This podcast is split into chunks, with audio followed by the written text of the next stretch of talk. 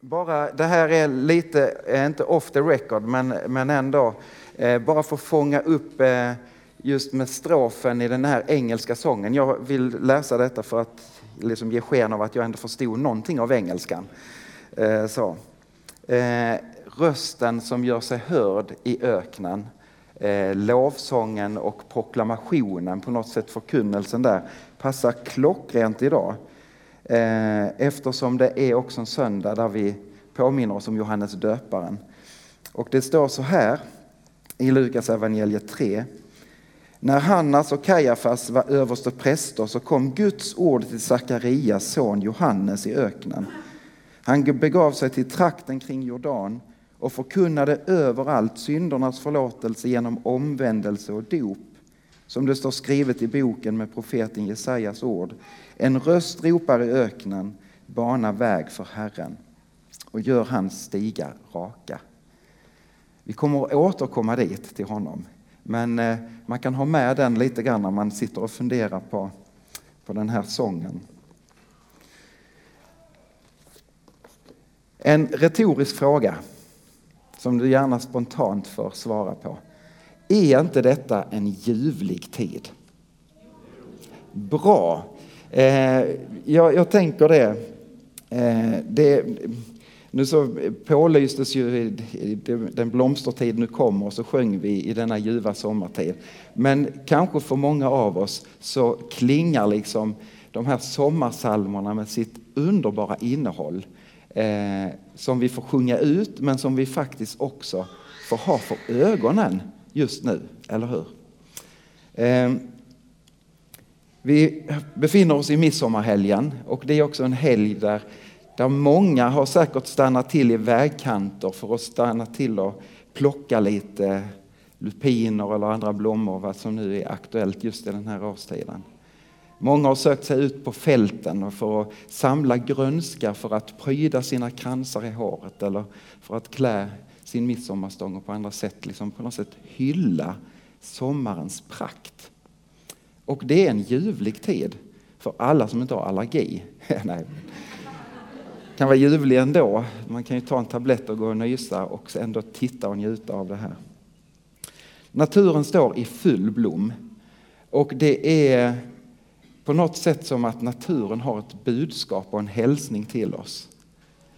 Just nu känns det som att den här boken är uppslagen med mittenuppslaget och har sitt tydligaste budskap, nämligen det finns en Gud.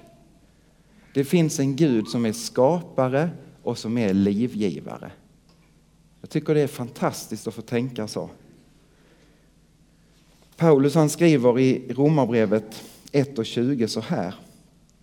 Ty allt sedan världens skapelse har hans osynliga egenskaper, hans eviga makt och gudomlighet kunnat uppfattas i hans verk och varit synliga.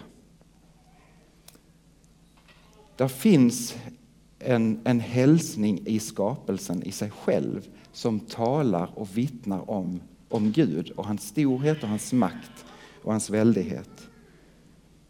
Man kallar det lite fint som Guds allmänna uppenbarelse. Ingen kommer undan den. Även om vi tyvärr genom åren och allt fort eh, inte handskas med den här skapelsen på bästa sätt. Vi är satta att vårda den, men tyvärr så missbrukar vi den i många avseenden så att den söndras. Men ändå, i sin sönderhet, så är den ändå fantastisk att få se och njuta av. Eh, så tänker jag också att vi lever ju på de breddgraderna där vi får läsa den här naturens bok, om man får kalla det så, med väldigt härliga skiftningar. Eh, man kan ju tycka olika i detta, men jag njuter väldigt mycket av skiftningarna. Och de skiftningar vi får vara med om kanske också har ett budskap till oss. Det är inte så väldigt många månader sedan som det var vinter. Träden var avklädda. Ehm, och det såg på något sätt naket ut i naturen eller lite livlöst. Och man kan ju gå där på vinterhalvåret och, och våndas i den skånska vintern att kommer det någonsin att bli så där prunkande grönt igen? Kommer trädgården att överleva eh, vintern? Och så vidare. Åkerlapparna låg kanske nyplöjda med sina bruna, liksom livlösa jordfåror längs, längs vägarna. Så. Och så plötsligt så vajar sädesfälten i vinden. Och skogen liksom har den där, börjar få den där djupa gröna färgen som man liksom bara åh, kan fascineras över. Och blommorna kan stå där med sin prakt. För att där är liv i skapelsen. För att den har med Gud att göra. Och så kan man ju tänka på också att vi kanske har sett bönderna som har sått ut sitt utsäde eh, när vintern liksom börjar lägga sig. Kanske någon har varit ute och tryckt ner några vårlökar i rabatten eller sått sina fröer. Och så plötsligt skjuter det fram nytt liv. Och så är det som att naturen talar till oss. Det som ser dött ut kan vara fullt av liv. Det som ser livlöst ut eller det som ser nästan kanske kört ut, där finns också livets möjligheter. Jesus själv använder den här bilden och liknelsen när han talar om Guds rike. Vi kan läsa i, i Markus evangeliet kapitel 4 och vers 26 och framåt. Och Jesus han sa, med Guds rike är det som när en man har fått utsädet i jorden. Han sover och stiger upp, dagar och nätter går och säden gror och växer, men han vet inte hur. Av sig själv bär jorden gröda, först strå, så ax, så moget vete i axet. Men när grödan är mogen så låter han skäran gå, för skördetiden är inne.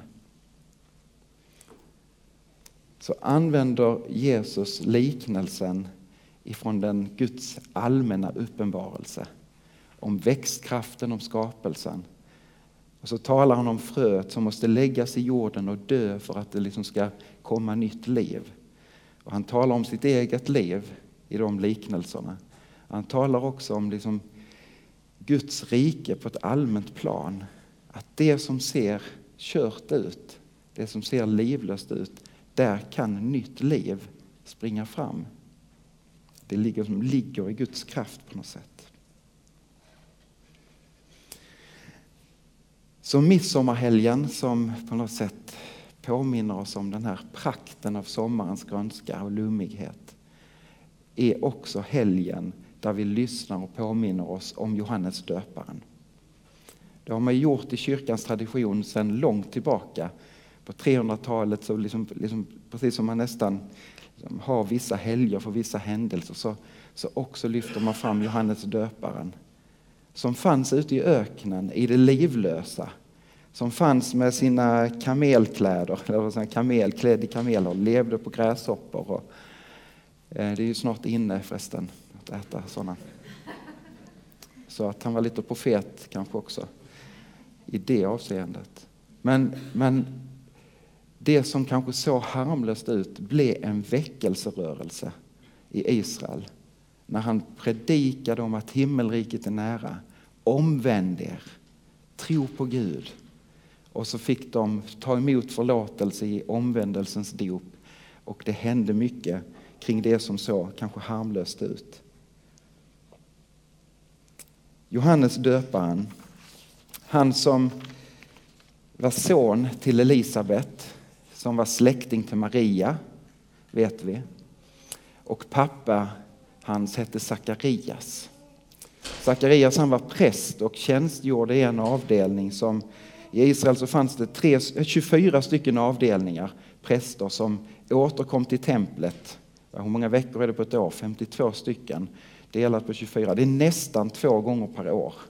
Så fick de gå upp en vecka i stöten till Jerusalem för att upprätthålla tempeltjänsten.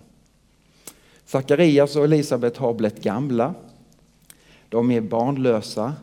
Vi vet ju inte men någonstans kanske de har förlikat sig med den situationen att vi kommer att, att lämna det här jordelivet barnlösa. Och kanske de också i det gråter att det känns livlöst i ett avseende.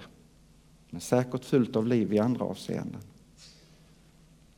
Så är Sakarias på sin ålders liksom höst uppe i Jerusalem igen för att utföra tempeltjänsten tillsammans med alla de andra i hans avdelning.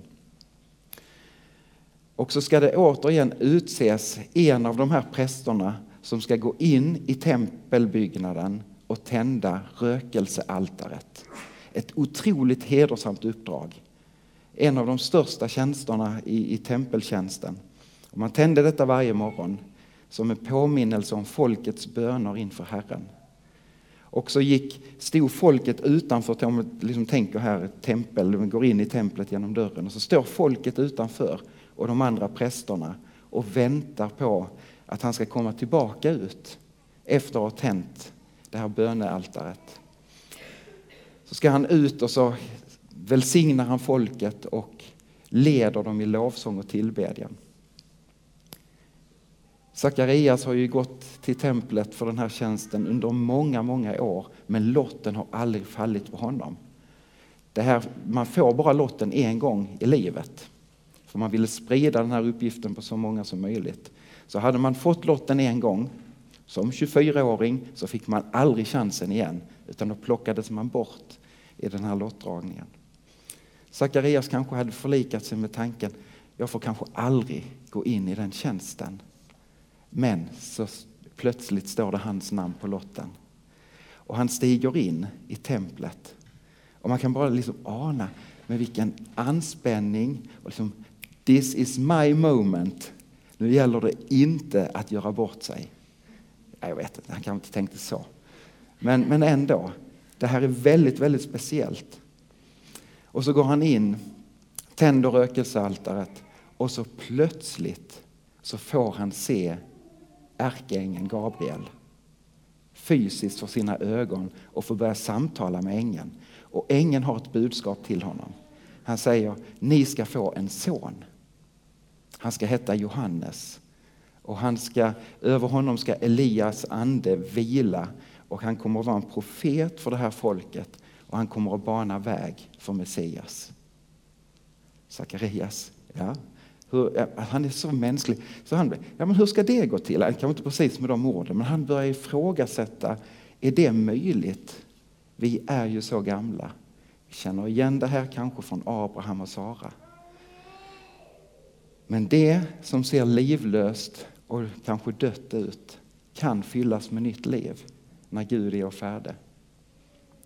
Så Gabriel säger till, till Sakarias, det här kommer att ske, men du kommer att bli stum för att du tvekade. Tänk er nu Sakarias. Folket står där ute med förväntan. Han ska gå ut och välsigna folket och han ska leda lovsången och tillbedjan.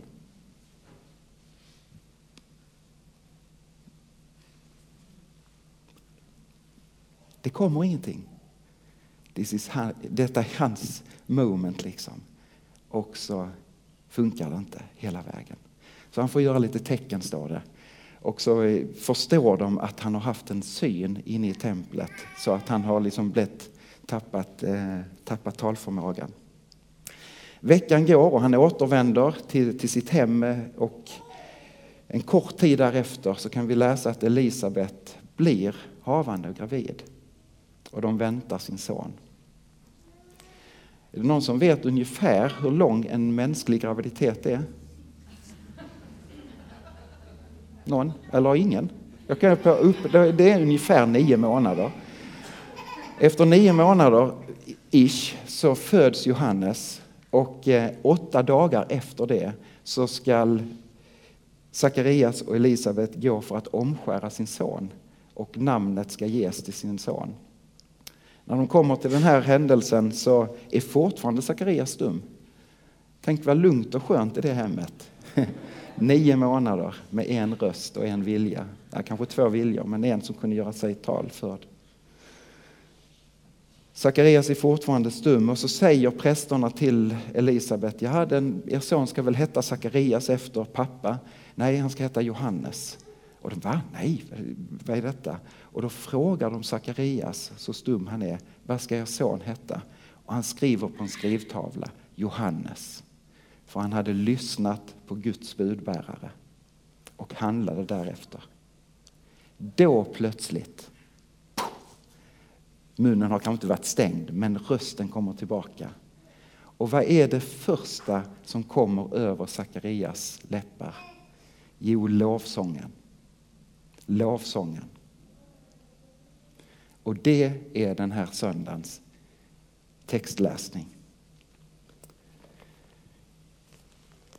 Och vi läser ifrån Johannes evangeliet, nej från Lukas evangeliet kapitel 1 och 65, 67 och framåt. Hans far Sakarias fylldes av helig ande och talade profetiska ord. Välsignade Herren, Israels Gud, som besöker sitt folk och ger det frihet. Han reser för oss ett frälsningens horn i sin tjänare Davids släkt, så som han för länge sedan lovat genom sina heliga profeter, frälsning från våra fiender och alla som hatar oss. Han visar barmhärtighet mot våra fäder och står fast vid sitt heliga förbund, den ed han svor våra fäder, vår fader Abraham. Att rycka oss ur våra fienders hand och låta oss tjäna honom utan fruktan, rena och rättfärdiga inför honom i alla våra dagar. Och du mitt barn, har fokus på Johannes, och du mitt barn ska kallas den högstes profet, ty du ska gå före Herren och bana väg för honom. Så ska hans folk få veta att frälsningen är här med förlåtelse för deras synder genom vår Guds barmhärtighet och mildhet. Han ska komma ner till oss från höjden, en soluppgång för dem som är i mörkret och i dödens skugga och styra våra fötter in på fredens väg. Lovsången som inte fick liksom uttryckas på tempeltrappan när han hade varit i tjänst i templet kanske hade legat där och pyrt inom honom men nu fick den ljuda fram. Och så talar den om Jesus och pekar fram på honom. Den talar om frälsningen och räddningen och att Johannes ska gå före och bana väg. Och det är det också Johannes gör, Johannes döparen. Den här väckelserörelsen som vi sa innan, som, som påverkade många människor i landet och många började följa Johannes. Men Johannes pekar hela tiden bort från sig själv och sa, det handlar inte om mig. Efter mig kommer någon som är mycket större.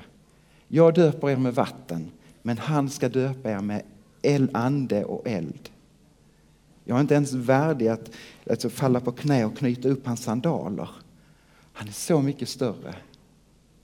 Och när Jesus kommer för att låta sig döpas av Johannes så, så uttrycker Johannes, se Guds lamm som borttager världens synd.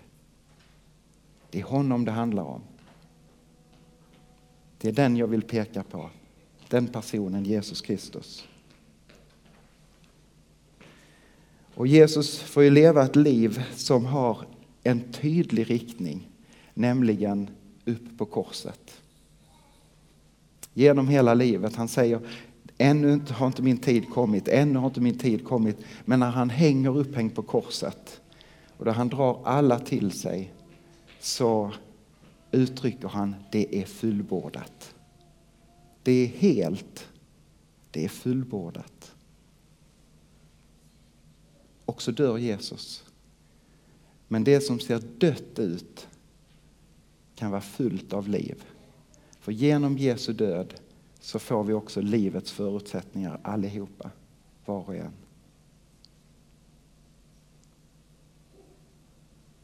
Korset.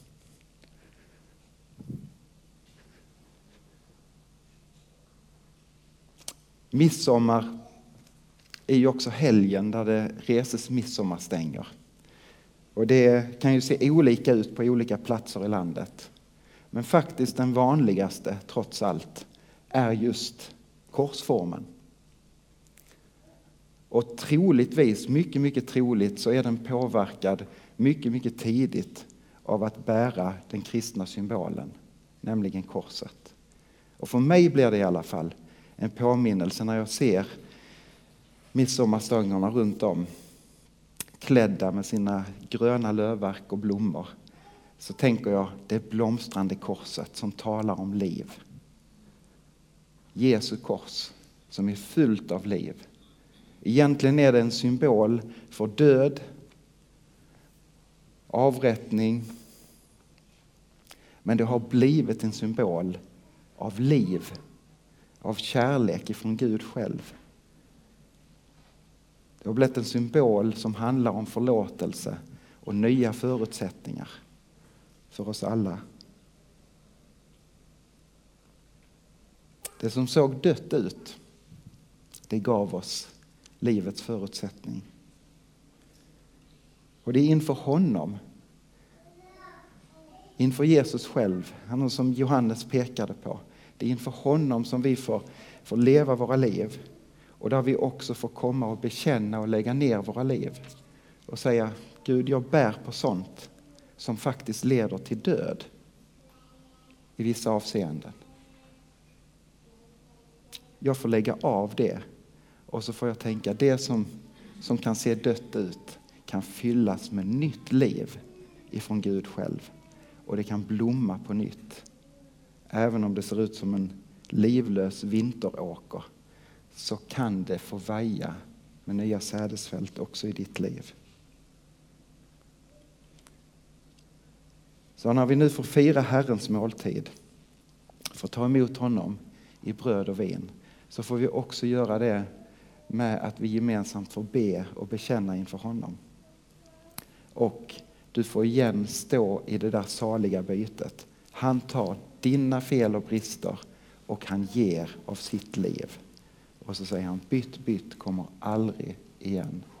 Ska vi stå upp tillsammans och be och bekänna?